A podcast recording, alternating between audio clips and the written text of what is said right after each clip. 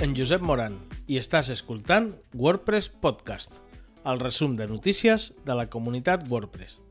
En aquest programa trobaràs la informació del 19 al 25 de febrer del 2024. Fa un any, veiem per primera vegada un joc de demostració en el qual tot semblava dinàmic, interactuar amb el joc era senzill, ràpid i fàcil.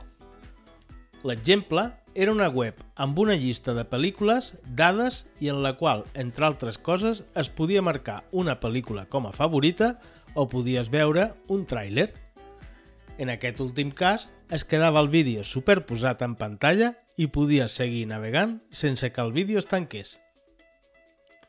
El llançament s'està planificant en l'últim mes, quan es va plantejar la primera versió final que s'incluiria en WordPress 6.5. La Interactivity API, com el seu nom indica, permet interactuar amb els jocs WordPress, creant una capa dinàmica en el frontal molt semblant al que s'acostuma a fer amb Ajax, però amb una estratègia clara de Blocks First i PHP First, retrocompatible, reactiu, d'alt rendiment i amb menys JavaScript. Fa dos anys que van començar els primers experiments que van acabar en Gutenberg 16.2.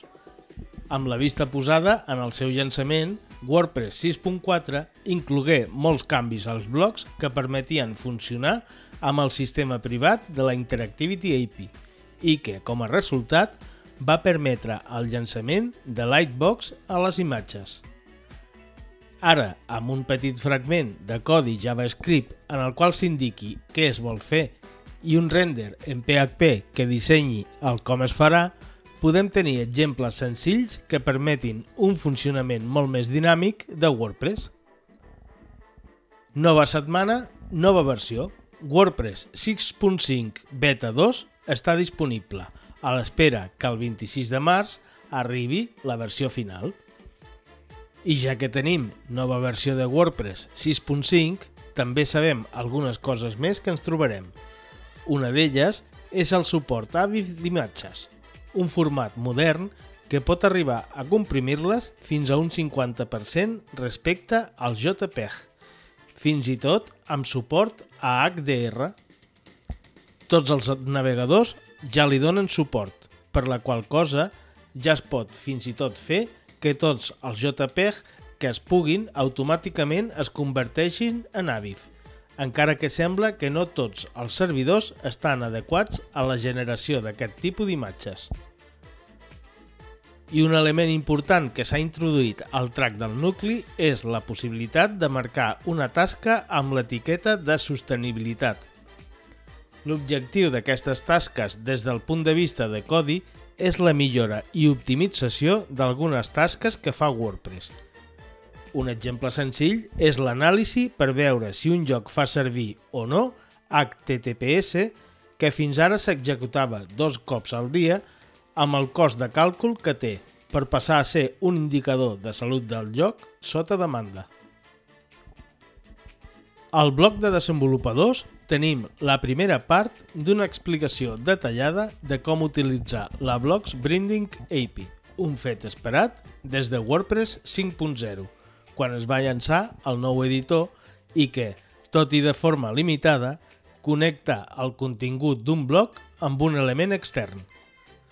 En aquesta primera entrada es fa referència a com connectar els continguts amb el Custom Fields nadiu de WordPress – començant amb una breu explicació de com funcionen els blocs i els blocs JSON, posant com a exemples com connectar els continguts d'un paràgraf amb el custom field o com connectar una imatge amb aquests camps.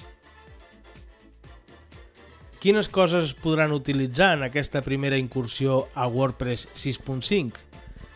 Pel que fa als textos, els paràgrafs i títols podran modificar el seu contingut.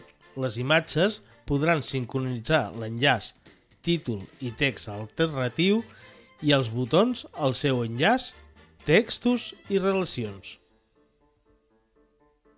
T'imagines seleccionar un element d'una llista i que el botó canvi segons el seleccionat? Sí, de forma nativa es podrà fer sense scripts externs.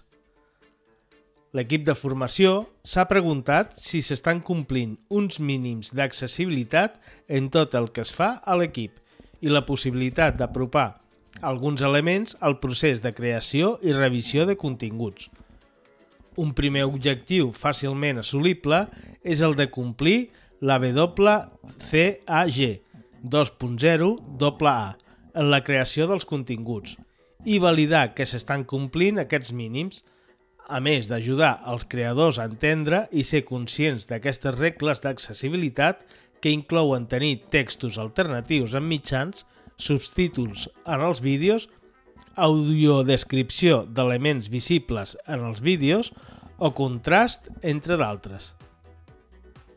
Un error que persistia des de BuddyPress 12.0 fins a 12.2 ha portat al llançament de BuddyPress 12.3, en el qual es corregeix aquest i altres errors. A més, s'ha llançat BuddyPress Classic 1.4, que ajudarà aquells amb versions anteriors a poder utilitzar extensions, temes i guinys no compatibles amb les darreres versions. Com a tancament, tenim la, incorporació de WordPress com un projecte al Contributor Covenant. Fa uns anys que es va començar a fer aquest procés d'adaptació del codi de conducta de la comunitat i en les últimes setmanes s'ha estat actualitzant en la major part dels jocs en els quals WordPress contribueix, inclosos GitHub. I, per acabar, aquest podcast es distribueix amb llicència Commons com una versió derivada de WordPress Podcast en espanyol. Tens tots els enllaços per ampliar la informació a wordpresspodcast.cat o seguir el contingut també en espanyol, anglès i francès. Una abraçada i fins al pròxim programa.